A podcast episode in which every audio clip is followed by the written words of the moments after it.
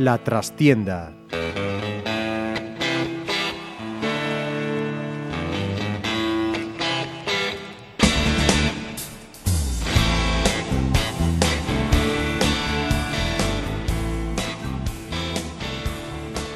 Saludos amigos, os habla Ramiro Espiño en nombre de todo el equipo. Comenzamos una nueva edición de La Trastienda en Pontevedra Viva Radio. Y hoy me vais a permitir que me salte la habitual introducción, ya que nuestros invitados serán los que opinen sobre las intensas emociones que nos han dejado Pontevedra y Teucro en este fin de semana. Solo decir que ya no llueve como llovía y que lo que no hace mucho parecía un milagro ahora está al alcance de la mano. Falta poner la guinda, pero creo que por el buen camino se anda. En fin, y, y por fin. Les hemos tenido de vacaciones casi mes y medio, pero ya va siendo hora de que se ganen de nuevo el sueldo que les pagamos, además de un, en un fin de semana intenso e interesante para nuestros dos equipos más representativos. Damos la bienvenida a nuestro Senado periodístico con los queridos compañeros de la información deportiva en Diario de Pontevedra y Faro de Vigo, Xurxo Gómez, Alex Dávila, Xaime Nogueira. Muy buenas. Buenas. Hola, ¿qué tal? Buenas tardes. Bueno, hay que ver cómo cambian las cosas en unas semanas, ¿eh? Xa, sí, para ah, bien. Xa estamos mirando para min, non? Para que arranque eu. Sí, sí, sí, que nos ia dicir aí un mes e pico que o Pontevedra ia estar nesta situación tan vantaxosa para conseguir o objetivo de permanencia, non? Eh, eu, ao respecto da situación, diría dúas cousas. Primeiro, que hai que ser eh, moi cautos, eh, porque oh, se tendo unha situación favorable que probablemente hai unhas semanas non imaginaríamos Ainda queda moito percorrido por, por facer, porque, eh, franca, a promoción pola permanencia está un punto, o descenso está unha vitoria, o que quere dicir que isto pode cambiar da mesma maneira que cambiou para ben, pode cambiar para mal no treito que, que falta. E segundo que, eh, sendo cautos, eh, a situación é a ideal dada a situación e evolución que levaba tendo a Liga ata agora. É dicir, se si a calquera afeccionado lle preguntamos ao rematar o partido contra o Fabril que a estas alturas eh, asinaría estar con 41 puntos, se asinaría estar con 41 puntos eh, fora de postos de promoción pola permanencia e fora de postos de descenso, seguramente o 100% ou o 99,9% o asinarían, non? Entonces, desde ese punto de vista, cautos sí, pero ao mesmo tempo, ao mesmo tempo satisfeitos eh, pola situación do, do equipo, non? Hombre, da para estar, contentos, eh, lo, lo comentábamos antes fuera de, fuera de micros, de que, bueno, que hace mes y medio la situación era bastante más pesimista, sobre todo viendo un final de calendario en el que el Pontevedra sí iba a estar jugando la vida contra dos rivales directísimos fuera de casa, que era fuera de casa era como decir, no, jugamos contra el Madrid, o sea, es imposible como jugar la eliminatoria de Copa del Rey contra Primera División. Y al final, que el equipo esté dando la talla fuera de casa y, manteniendo resultados, sobre todo en esos minutos finales en los que parecía que, la, man, la, moneda nunca caía de, del lado del Pontevedra, me parece la, la mejor noticia. Ahora, eh, esto, esto todo que avanzamos hay que consolidarlo y, y ahora hay una salida muy importante y el partido de casa hay que ganarlo. A ver, el, el, resultado del Valladolid B nos permite respirar con tranquilidad. O sea, antes estábamos con el, con el agua al cuello, sufriendo. Eh, incluso después de ganar esos dos partidos consecutivos decíamos, bueno, si, si el equipo gana el Guijuelo eh, es un paso de gigante y contra el Guijuelo se tropezó eh, y ya volvimos otra vez un poquito con las dudas porque ahora nos enfrentábamos a, dos equipos fuera de casa. Eh, pero claro, es que esto cambia de, una semana a otra. Eh, lo que parecía gris otra vez por ese empate contra el Guijuelo con no muy buenas sensaciones, que nos la íbamos a jugar en Valladolid y Segovia, ganas en Valladolid haciendo un partido además sólido y ahora ya te parece todo súper eh, positivo y hay que ser súper optimistas. Y sí, hay que ser optimistas, pero yo quiero pero ser cautos. muy cauto, muy cauto porque sabemos cómo son los finales de temporada, sabemos que los equipos eh, que no se juegan nada a veces son incluso más peligrosos que uno que sí que se juega porque juega tensionado y, y nunca sabes. Y al final tenemos, eh, quedan tres partidos, dos de ellos fuera de casa, que es verdad que la tendencia fuera de casa ha cambiado y ahora hasta, los, hasta dentro del propio equipo casi ¿Quién dicen, lo iba a decir? casi ¿no? dicen que, que, es mejor jugar casi fuera de casa porque no tienes que llevar tanto la iniciativa, por, por lo que sea. Eh, pero hay que ser muy cautos porque yo hace también dos semanas antes del partido contra el Guijuelo lo veía muy bien y ese partido nos volvió a poner muy en tensión. Entonces, eh, contentos pero sin presumir, como decía Luis Aragonés. Hay un aspecto que non sei se estades de acordo comigo, que creo que mellorou eh, que a imaxe, as sensacións do Pontevedra son millores con máis continuidade. Dicir, ao longo da temporada o Pontevedra sempre deu bandazos de épocas boas, malas e peores. Eh, pero é certo que nos últimos dos meses, dos meses e medio, incluso en toda a segunda volta, eh, o Pontevedra alternou eses bons partidos cos malos, pero os bons eh, tiveron máis peso incluso, e, e a medida que foi pasando o tempo hubo máis bons momentos. Xa non digo tanto igual de xogo, porque eu eh, personalmente non podo opinar casi dos partidos de fora da casa, porque as únicas referencias que, das que dispoño son as crónicas ou as, ou as narracións radiofónicas, non? Pero sí en canto á competitividade, non? E desde ese punto de vista parece que o equipo se asentou, que o adestador atopou un bloque en torno que construir o seu once inicial e, e a partir de aí pois son máis elementos para ese optimismo medido e comedido que debemos ter por lo que comentamos, levamos comentando nestes 10 minutos que levamos falando, ¿no? porque obviamente quedan tres partidos, isto dá moitas voltas, eh, hai rivais en fronte e da mesma maneira que onte pois o equipo fixe un bo partido contra o Guijuelo non o fixo, e, e non sabemos como van a sair estas tres xornadas, ¿no? tanto para o propio Pontevedra como desde o punto de vista dos rivais. El sabio Hortaleza al que citaba Xurxo, entre otras muchas cosas sabias que, que decía en el terreno futbolístico, era que como saques pecho en el fútbol, enseguida te lo, lo meten, meten para adentro, ¿no? Mm. Pero es que además, fijaros lo que decíamos de, de, de fuera de casa, ¿no? Ganas en Navalcarnero, que siempre se dijo toda la liga que era un escenario complicado. Y ganas en Valladolid a un equipo que llegaba enrachado con 12 partidos seguidos sin perder. O sea, es un poco lo, lo, que llama más la atención. Y además, o sea, cómo se produce ¿no? El, la, la, victoria, porque empiezas con un golazo de Mourinho en la primera parte, eh, curiosa la reacción del entrenador de ellos protestando una falta en el quinto pino, que, que también pone de su parte, desde mi punto de vista, no su portero, y sin embargo no menciona para nada un penalti, porque después del 0-2 de Eder, a continuación viene el penalti, que es lo que complica, que solo ha existido en la imaginación del colegiado. Es un piscinazo, pero, pero clamoroso, ¿no? Sí, decías el, tema de, de, ganar en Navalcarnero y en Valladolid B. Es que para mí eh, hay una cosa muy, muy clave y eh, muy clara. Eh, la Copa Federación, que ha marcado tanto la temporada, para bien, para mal, siempre se ha debatido mucho si es bueno jugarla, si no, más allá del título que, que deja y los 90.000 euros, que obviamente son fabulosos, eh, para mí es muy importante de cara a tener más cerca la salvación y cuando se consiga, si se consigue, de cara a haberla conseguido, porque ha permitido, por un lado, que salgan jugadores menos habituales a jugar y chavales y a demostrar que pueden competir perfectamente, y sobre todo, por otro, y para mí más importante, acabar con ese bloqueo mental que el equipo llevaba dos años teniendo fuera de casa, eh, sintiéndose incomodísimo cada vez que jugaba lejos de Pasarón. Bueno, a lo mejor eh, jugar una competición, digamos, menor, eh, en la que sí que te juegas, pero de otra forma, a ver que mm, sin tanta presión haces buenos resultados, porque es verdad que el Pontevedra en los últimos años, tanto fuese por meterse en playoff como ahora por, por no bajar, siempre ha jugado con, con cierta dosis de presión, ¿no? de, de, de, tensión, de estar tensionado.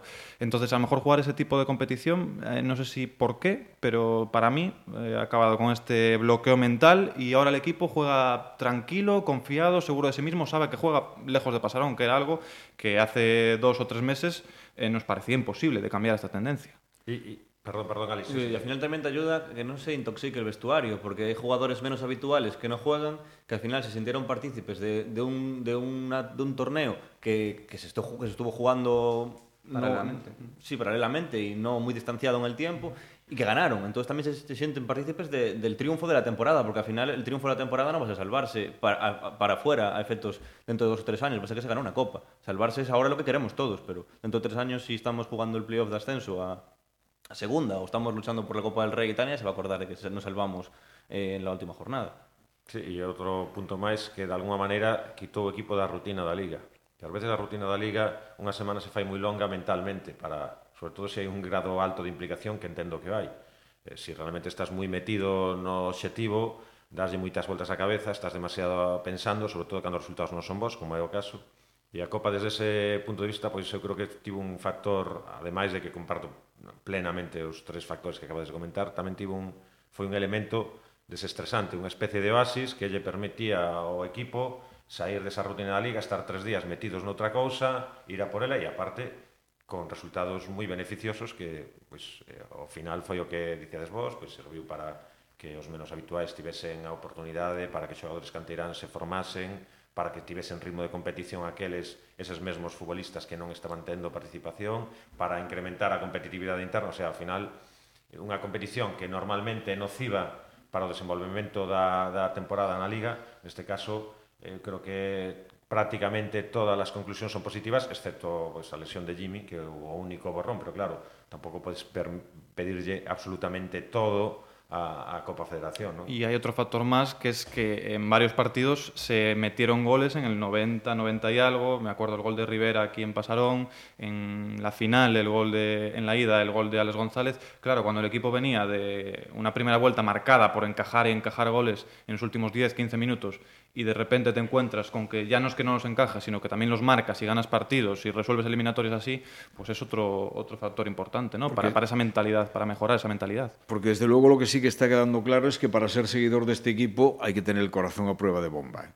Porque aún Eso contra siempre. el Valladolid, Eso sufriendo, siempre. Añadimos más picante al asunto, doble tarjeta amarilla de Alex González, que es la, la parte negativa, quizá perder a un Muy jugador mala. como Alex González para el partido de Segovia y, y, perder posiblemente, esperemos que no, a Darío Flores también, ¿no? Sí, esa es la cruz que tienes este año, o esta segunda vuelta. Luis, yo no sé aún si, si tuvo alguna semana todos, es que es, es imposible. Y, y a base de eso se está, se está, sabiendo, se está sabiendo adaptar y, y y jugar también con la, con la cantidad de bajas que está teniendo, pero es que no hay una semana en que no haya al menos un lesionado, ahora las sanciones ya son normales a esta altura de la temporada. Sí, por suerte está apostando por, por chavales, por suerte y casi por obligación, ¿no? Pero eh, también podría poner a lo mejor pues a los 15, 16 que tiene del primer equipo siempre disponibles e ir rotándolos y encajando como pudiese, pero eh, eso también está permitiendo poner a chavales, demostrar que es valiente y demostrar que los, que los chavales valen, ya buscándole un poco el, el lado positivo, ¿no? Si Nacho no llega a estar tanto tiempo lesionado, pues a lo mejor Juan, que eh, antes de Nacho sí que jugó porque no había más, por la fuga de Miguel Ángel, pues no hubiese seguido jugando. Y, es verdad que el otro día en Valladolid no va, pero sí que está contando, eh, Jesús también. Bueno, Lezcano ahora ha perdido un poquito de peso, pero porque también tiene tres delanteros delante, pero cuando hay lesionado uno, alguna baja siempre cuenta. Bueno, eh, buscando el lado positivo, esas bajas por lo menos permiten que, gente de la cantera y gente menos habitual esté dando el callo y demostrando que a lo mejor eh, de cara al futuro pueden valer perfectamente para el primer equipo. Eso sí, yo creo que pase lo que pase, a Edu Sousa hay que ponerle el nombre de una, no sé, no sé si de una grada entera, pero al menos de una puerta de acceso de Pasarón, porque lo que lleva haciendo este año el portero es tremendo. ¿eh? Es que yo cuando, cuando acabó el partido contra el Guijuelo, eh, recuerdo una conversación, no sé con quién, pero, pero le dije, es que con, con Edu así no bajamos, es que es imposible, no, no le meten gol, solo de penalti. Y, y está, lleva un año que yo ya no sé, a veces yo no sé si es más importante dentro del vestuario o en el campo, porque... Eh, yo creo que en los dos sitios. Porque es vital, yo creo que es vital ahora mismo en el equipo y, y joder, el equipo había perdido a El nivel a Adri, de implicación que, que, transmite es tremendo, tremendo. Un nivel de, de, tranquilidad en el campo y, en el, y dentro del vestuario parecía que, bueno, que Adri era una persona vital se foi Adri e Edu cogió el relevo e lo cogió con, con garantías. A ver, eu creo que son vitais desde dos puntos de vista desde dos perfiles completamente diferentes, non? Eu creo que Edu é unha persona moito con moita máis enerxía a ese nivel, a nivel de transmisión, non digo a nivel de, de eh, rendemento no campo, porque Adrián si tiña algo precisamente no campo era enerxía, non?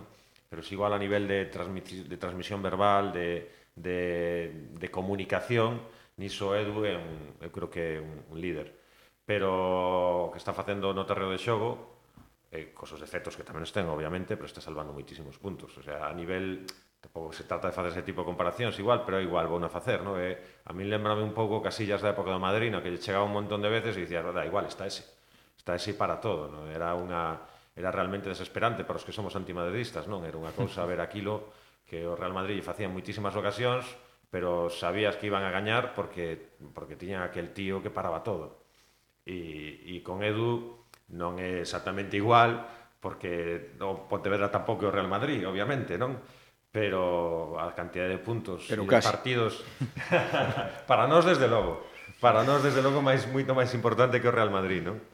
Eh, pero a cantidad de puntos que leva salvado esta temporada igual habería que facer un estudio e analizalo pero son uns cuantos eh. Sí, eh, al final es que en el deporte si trabajas, trabajas, trabajas vas a tener éxito y yo obviamente Edu, a Edu en trabajo no le gana no nadie. Va a ganar nadie. Yo no sé si es el mejor portero de la categoría ahora mismo, pero Yo tengo muy que claro sí. que es el más profesional. Yo me atrevería a decir que sí. Desde luego el más profesional y el que mejor está rindiendo es entonces cuando tú tienes talento, porque obviamente Edu lo tiene, si no no estaría ahí, y eso le aunas una profesionalidad, un trabajo, un equilibrio mental que ahora mismo por temas familiares, por todo está teniendo, es, está en un momento muy bueno, ¿no? Y todo eso suma y la confianza, porque un para un portero la confianza es tremenda, y, y, él pues ahora mismo está en un momento pletórico, y es que el Pontevedra obviamente, eh, ya hablando un poco de cara al futuro, tiene que, que, basar su futuro en ese tipo de jugadores, porque es que son oro absoluto para, para un club. Y desde mi punto de vista hay otro jugador que a lo mejor ha pasado más desapercibido también, pero que en estos momentos difíciles no llevaba una temporada, digamos, especialmente brillante, porque tampoco Luisito le había dado tantos minutos y demás, pero desde mi punto de vista lo que está haciendo Mourinho a nivel de implicación sobre todo, y hombre, y de, de, momentos claves como el gol, por ejemplo, de ayer, ¿no? que fue absolutamente trascendental, es digno de destacar. ¿eh?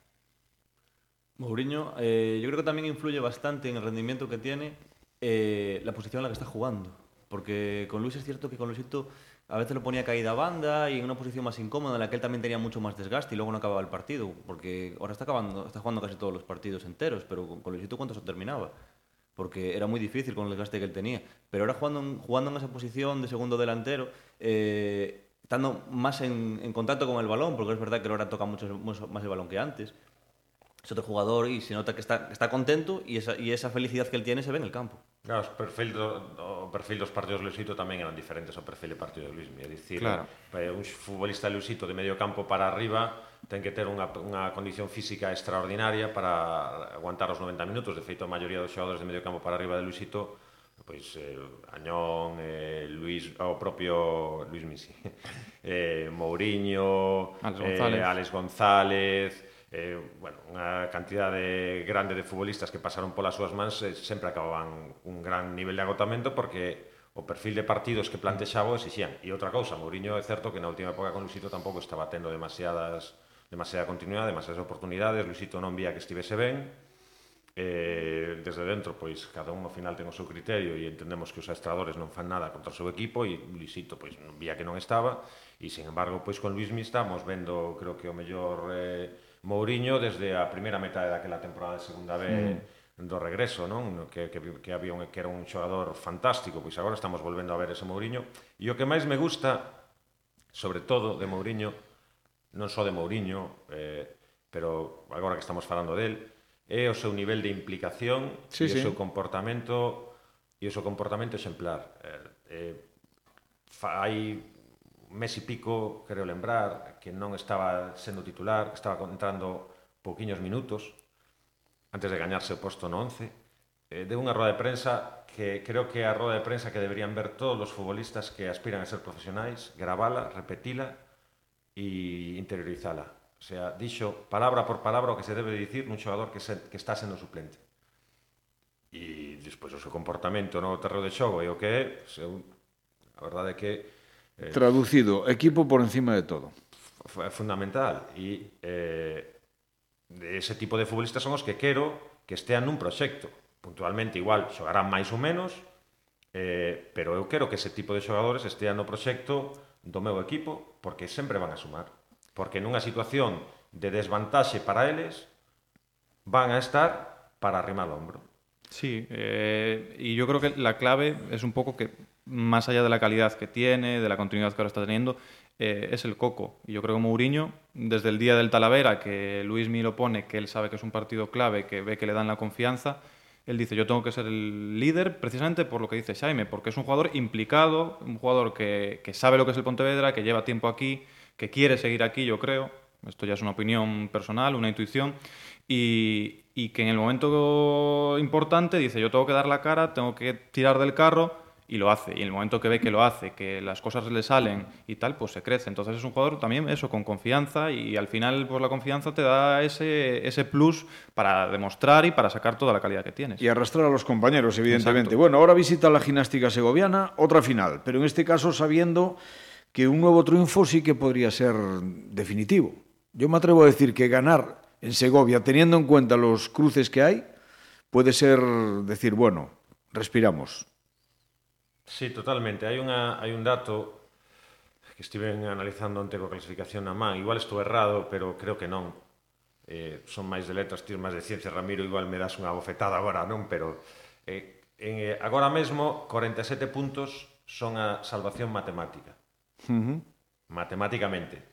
Iso quere dicir que con menos puntos de 47 vai, vai algún equipo vai ter a permanencia seguro. Eh, vai ser imposible que Penso que menos, eh, Xaime, habría que entrar xa meter os no, números nunha calculadora. Cruces, claro, cruces, porque sí. hai muchos cruces sí, entre sí, afectados, con lo cual si uno suma el otro no suma. Claro, con 46 seguro que te salvas. Con sí, eh, eu creo que tamén.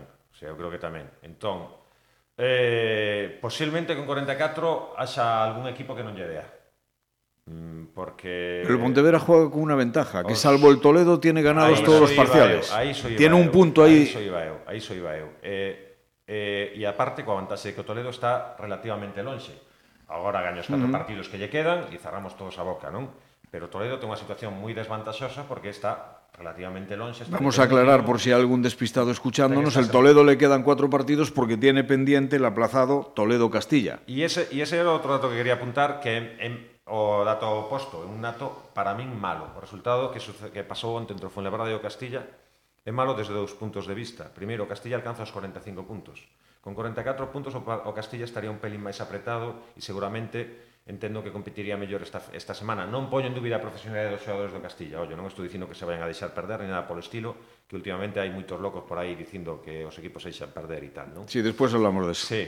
Eh, pero desde ese punto de vista é negativo. E tamén é negativo desde o punto de vista que eu teño o temor, o temor de que o Rayo Majadahonda sexa campeón antes da última xornada. E na última xornada hai un Rayo Majadahonda Racing de Ferrol. Sí.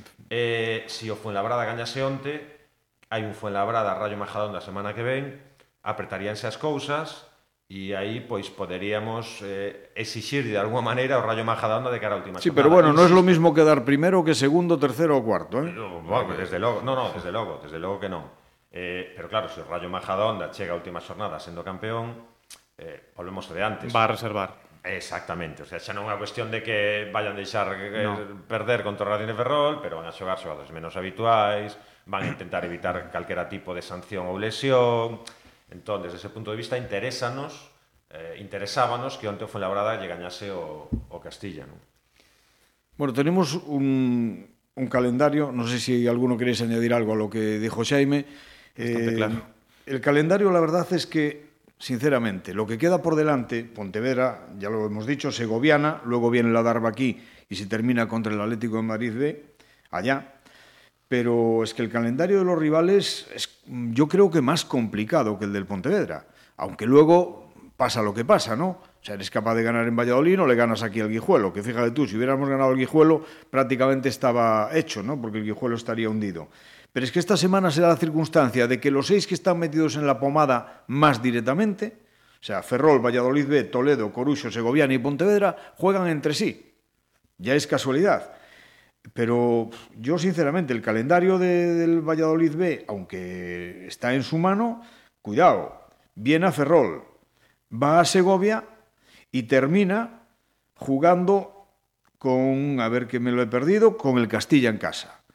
El calendario del Ferrol tampoco es del todo fácil, porque recibe, como hemos dicho ya, al Valladolid B, juega en el Alfredo Di Stéfano con el Castilla y recibe al Rayo Majadahonda para terminar. Pero es que el del Corucho, estelita fina. Eh, tiene el partido en Toledo este fin de semana siguiente. Luego recibe al Fuenlabrada, que, que se juega muchísimo, y termina en San Sebastián de los Reyes. O sea, tampoco está... Y bueno, la segoviana es el que tiene también ese calendario entre rivales, recibe al Pontevedra, recibe al Valladolid y juega contra la Unión de Adar- Adarve en ese campo que todos sabemos que es el peor enemigo de todos los que los visitan. Incluso el Guijuelo, cuidado, porque juega contra el Adarve. El Adarve, por cierto, va a ser juez, porque va a jugar prácticamente los tres partidos contra equipos metidos en la pomada, ¿no? Luego recibe al Atlético de Madrid B y termina jugando en Barreiro con el Celta B, que también se puede estar jugando mucho el Celta B, por lo menos en cuanto a qué puesto de playoff. No sé, o sea, es verdad que, le podemos dar muchas vueltas, pero tal como está la cosa, por eso digo yo, yo sigo pensando que con 44, sobre todo si los 44 se consiguen el próximo domingo contra la Segoviana puede llegar? A ver, eh, es que hay varias variables. Por un lado, eh, todos vemos los calendarios y decimos, vale, el Rayo Majadahonda, como decía Xaime, a priori es un rival complicadísimo, pero en la última jornada puede darse el factor de que llegue campeón. Entonces ya es un rival pues muchísimo más asequible.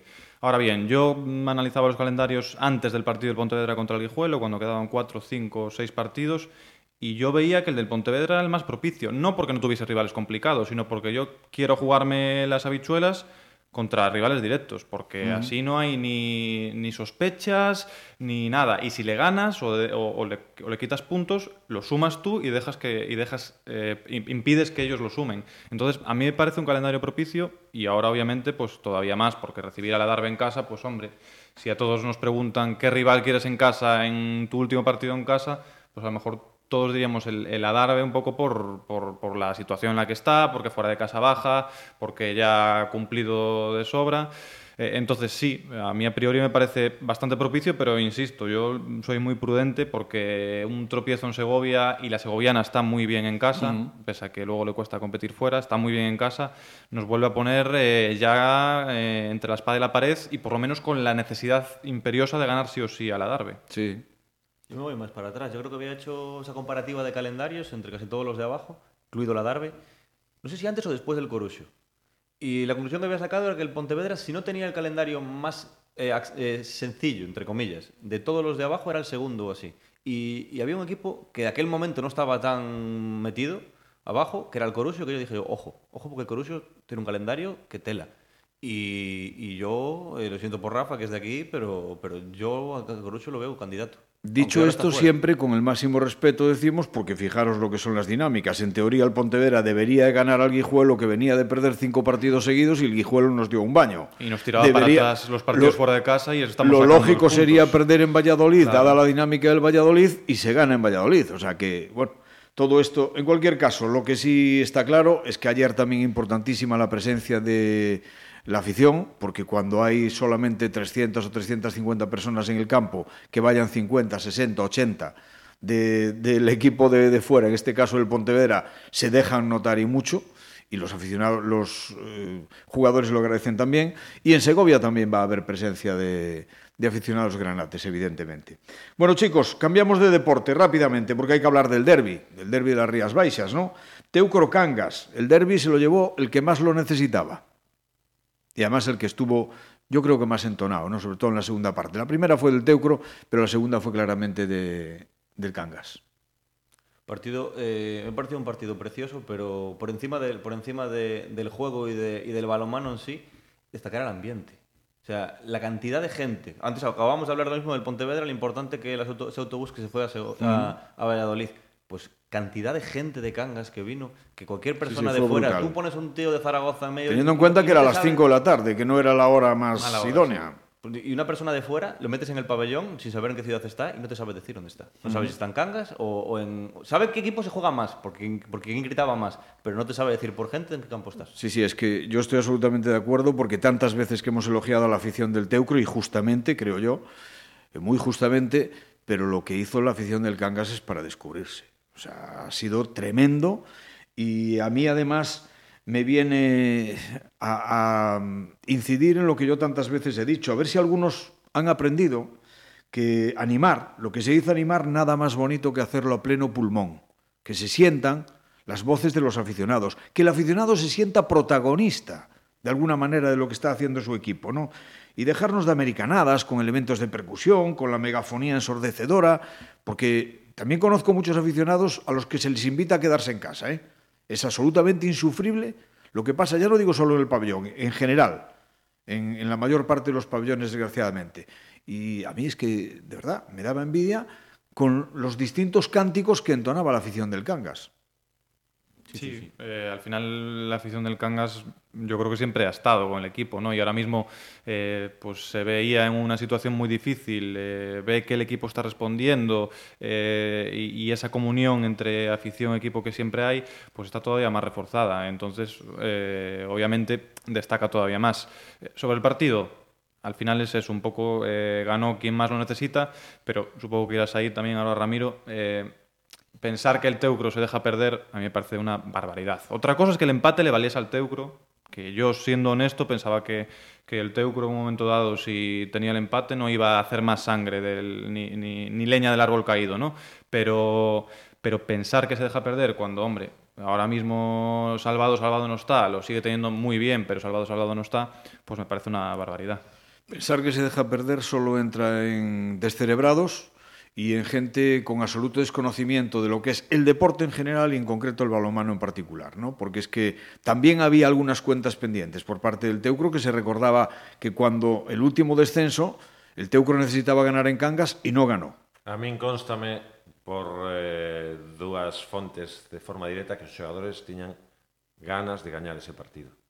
O sea, non digo non digo que fosen a facer só o seu traballo, senón que ademais tiñan unha especial motivación por gañar ese partido.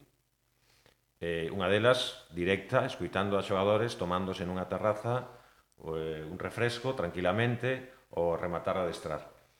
Eh, entón, para min iso vale como calquera tipo de proba contra o que se puido ver no pabellón. O Teucro leva unha segunda volta, no que non é a da primeira volta, por, polas circunstancias, pola preparación, polo que sexa, pero é obvio, eh, eu eh, presenciei un par de... Por as lesiones... Tres, polas lesións e porque a xente igual chega falta de gasolina o tramo o treito final da temporada pola planificación ou polo que sexa pero creo que todos vimos partidos nesta segunda volta na que o equipo non tiña ese espírito guerreiro competitivo que si sí demostrou durante toda a primeira volta incluso contra equipos moi bons, sobre todo na casa non? entón desde ese punto de vista para min é que non é dubidoso desde, ningún, desde ninguna maneira non? Eh, e en segundo lugar, xa sei que isto é impopular en Pontevedra e que me, posiblemente me corran a gorrazos e non me poivan a deixar entrar na cidade, pero alegrome de que gañase o Cangas, porque como son un afeccionado relativamente imparcial do balonmán, sei que o Teucro eh, estou convencido de que non vai ter ningún tipo de problema para conquerir a permanencia eh, e sei que o Cangas lle facía bastante máis falta e me alegraría que se quedase o, can, o Cangas na categoría en Asobal, eh, pois creo que é un resultado que realmente, pois a min é o que máis eh, satisfacción me produce, No? Eh, quería gañase o Cangas e, e así foi. Non quería que perdese o Teucro, non se malinterprete. Quería que gañase o Cangas. Iso obviamente implicaba que perdese o Teucro pero, pero o meu objetivo non era eh, que quero que se entenda ben isto non? Pero hasta el propio Teucro le interesa que el Cangas esté en, en Asobal. O sea, yo el otro día hablando con el presidente decía que eh, mm, tener al Cangas en Asobal supone dejar de, de gastar Conseguir e un patrocinador 8.000, adicional. 10.000 euros, claro. Conseguir un patrocinador adicional. Iso, iso dicía o Lo decía estaban... Pepe Camiña, ¿no? Y, no, no, no, no, no. Eh, cando estaban en División de Honor Plata, uh -huh. Santi Picallo dicía o noso principal patrocinador é o Teucro. Claro. Tío, porque imagínate a taquilla que facemos nós cando nos enfrontamos como locais contra Y el viaje que dejas de tener que pagar. Bueno, por exemplo. Es que, además, mm, lo que, lo que pasa, ¿no? De, de- de algunos que, que, que ha- la valentía que le da a algunos el anonimato, que se le va la pinza acusando de arreglo, además de su mal gusto, pero educación, nulo respeto, poco conocen este deporte y sus deportistas. Y me refiero a ese troll, no se le puede calificar de otra manera, que ha vertido graves insultos, gravísimos insultos contra los jugadores del Teucro, eh, deseándoles incluso la muerte. Y yo espero de verdad que la directiva del Teucro creo que va a estudiarlo, que lo va a hacer, al menos denunciarlo a la policía, evidentemente, para que investiguen cuál es ese perfil en las redes sociales, quién es, quién está detrás de ese perfil y que le pongan un bozal o que lo metan en, en Chirona. No iba a decir siquiera que lo metan con los monos, porque los monos no tienen ninguna culpa. Pero es que es absolutamente demencial, ¿no? Eu creo que como mínimo merece un tirón de orellas para que non volva a repetirse isto e despois pois as decisións que se tomen pois estarán ben. Prisión, igual eu parece eu puñao no Twitter, porque no Twitter todo o mundo sabe que son un troll tamén eu. eh, Pero non eh, anónimo. Non anónimo, é certo, non. Desde logo que non. Es que hai unha pequeña pero, diferencia, pero, moi significativa, pequeña moi grande, bueno, evidentemente. Bueno, tampouco diré esas barbaridades. Quien dá la cara e quen, claro. Nunca lle desexarei a morte a ninguén. O sea, podereime, pues, bueno, nunha taberna borracho ás 3 da madrugada se poden dicir moitas barbaridades e eu levo ditas moitas barbaridades na miña vida. Pero, quero dicir, nunha rede social non se me ocorrería a min de ningunha das maneiras eh, facer iso e menos... Res... A ver, o problema que, que deduzo eu disto é que eu creo, queremos, queremos eh, vendo a situación que era un chico, o que é un chico, que se gasta moito diñeiro en apostas, Eh, porque non ao pois principio entonces lo que tiene que ir es al médico sí, para curarse eu, la ludopatía. Creo requiere, eu creo que requiere atención y, psiquiátrica. Por un, por un, exactamente, a un psiquiatra por un lado y a, y a alguien más especialista creo, para que le cure la ludopatía. Creo que requiere, eh, atención profesional, porque non é que lle falte, ao principio se pode pensar que é un afeccionado eh, do Puerto Sagunto ou do Zamora, non? pero se despois analizas a, a súa conta, empezas a ver que que os insultos son retirados non só teu, pero sino a outro tipo de equipos de diferentes deportes. Que le hacen perder la apuesta. Que lle... E entón dis, entendo eu que este tío está metendo pasta, a estes, a estes equipos e que cada vez que palma, pues, eh, De hecho, curiosamente, a- al venidor le, le- le dijo lo mismo cuando perdió contra el, cuando perdió contra el Teucro en venidor. O sea, que al final no es un problema con el Teucro, es un problema con el que, con el que pues a lo mejor lo que tiene que hacer es afinar un poquito más las apuestas En fin, y lo- un poquito No, más. Entender un medi- poco más de deporte para apostar mejor. O no apostar. O que ten que medicarse, sí, de echar as apostas. Eh, lo dicho, que la unidad de delitos telemáticos de la Guardia Civil intervenga y que lo ponga donde tiene que poner. De entrada, por lo menos cerrarle la cuenta, que la es lo primero, para que no diga barbaridades. Pero bueno, eh, curiosamente, a punto estuvo, a pesar de la derrota, de que apenas un par de horas después el Teucro estuviese salvado de forma matemática. Le faltó un gol al Valladolid, que si hubiese empatado con Puerto Sagunto, dada la derrota del Zamora, el Teucro estaba salvado matemáticamente. Le queda un punto. Sí, Hacerlo él o que lo pierda Puerto Sagunto, claro. Sí, en tres jornadas, eh, home, a ver, cosas pero he seguido nisto do balonmán, non? Pero en tres jornadas entendo que non terá grandes dificultades para que suceda iso.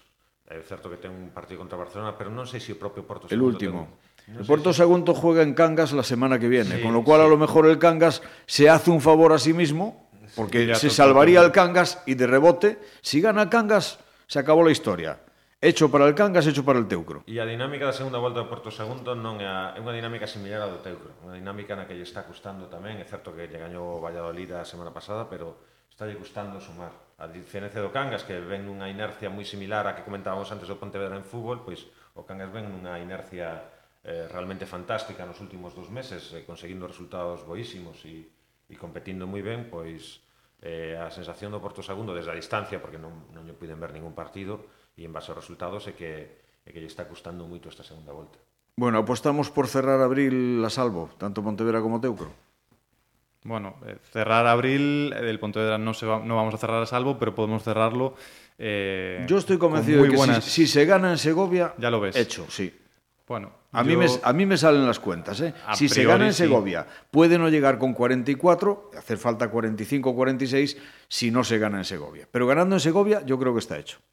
Yo sé que apostar se apuesta, pero si perdemos luego no le voy a echar la culpa a nadie. No voy a hacer como...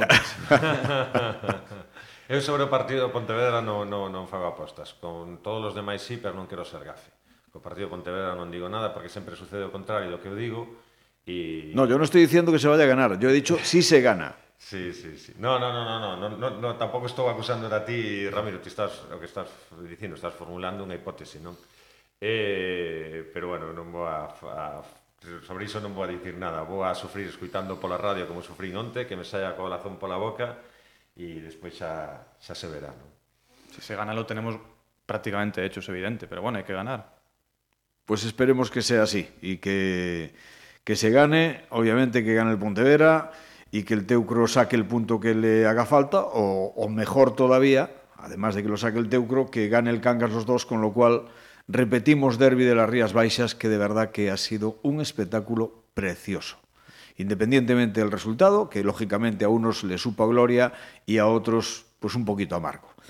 Chicos, muchísimas gracias como siempre por estar aquí. Volveremos a hablar antes de que termine la temporada o si no nada más finalizada. Esperemos que para eh, congratularnos de, de que todo ha salido finalmente bien, aunque hayamos pasado tantos apuros que creo que ninguno contábamos con pasar cuando esto empezaba ya por el mes de agosto. Muchísimas gracias. Y a todos los que nos escucháis os dejamos con nuestra habitual despedida musical, en esta ocasión con los escoceses Simply Minds y esta maravillosa versión en directo de su tema No te olvides de mí. Muchísimas gracias, como siempre, que lo disfrutéis. Hasta la próxima semana.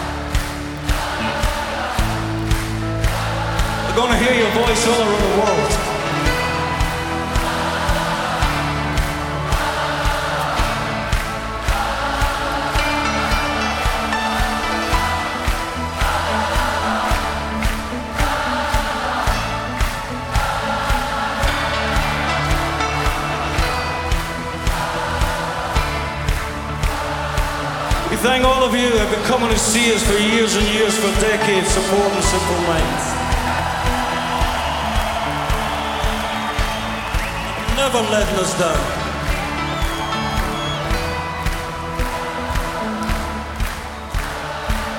Make us feel good.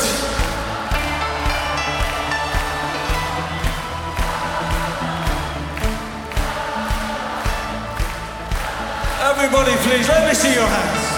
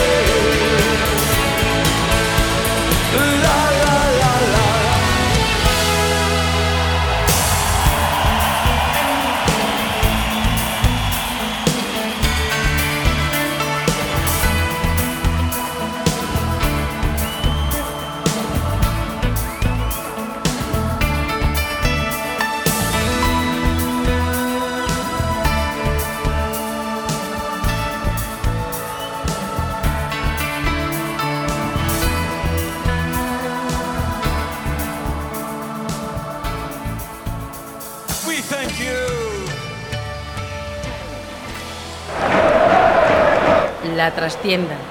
Pontevedra Vivarrada.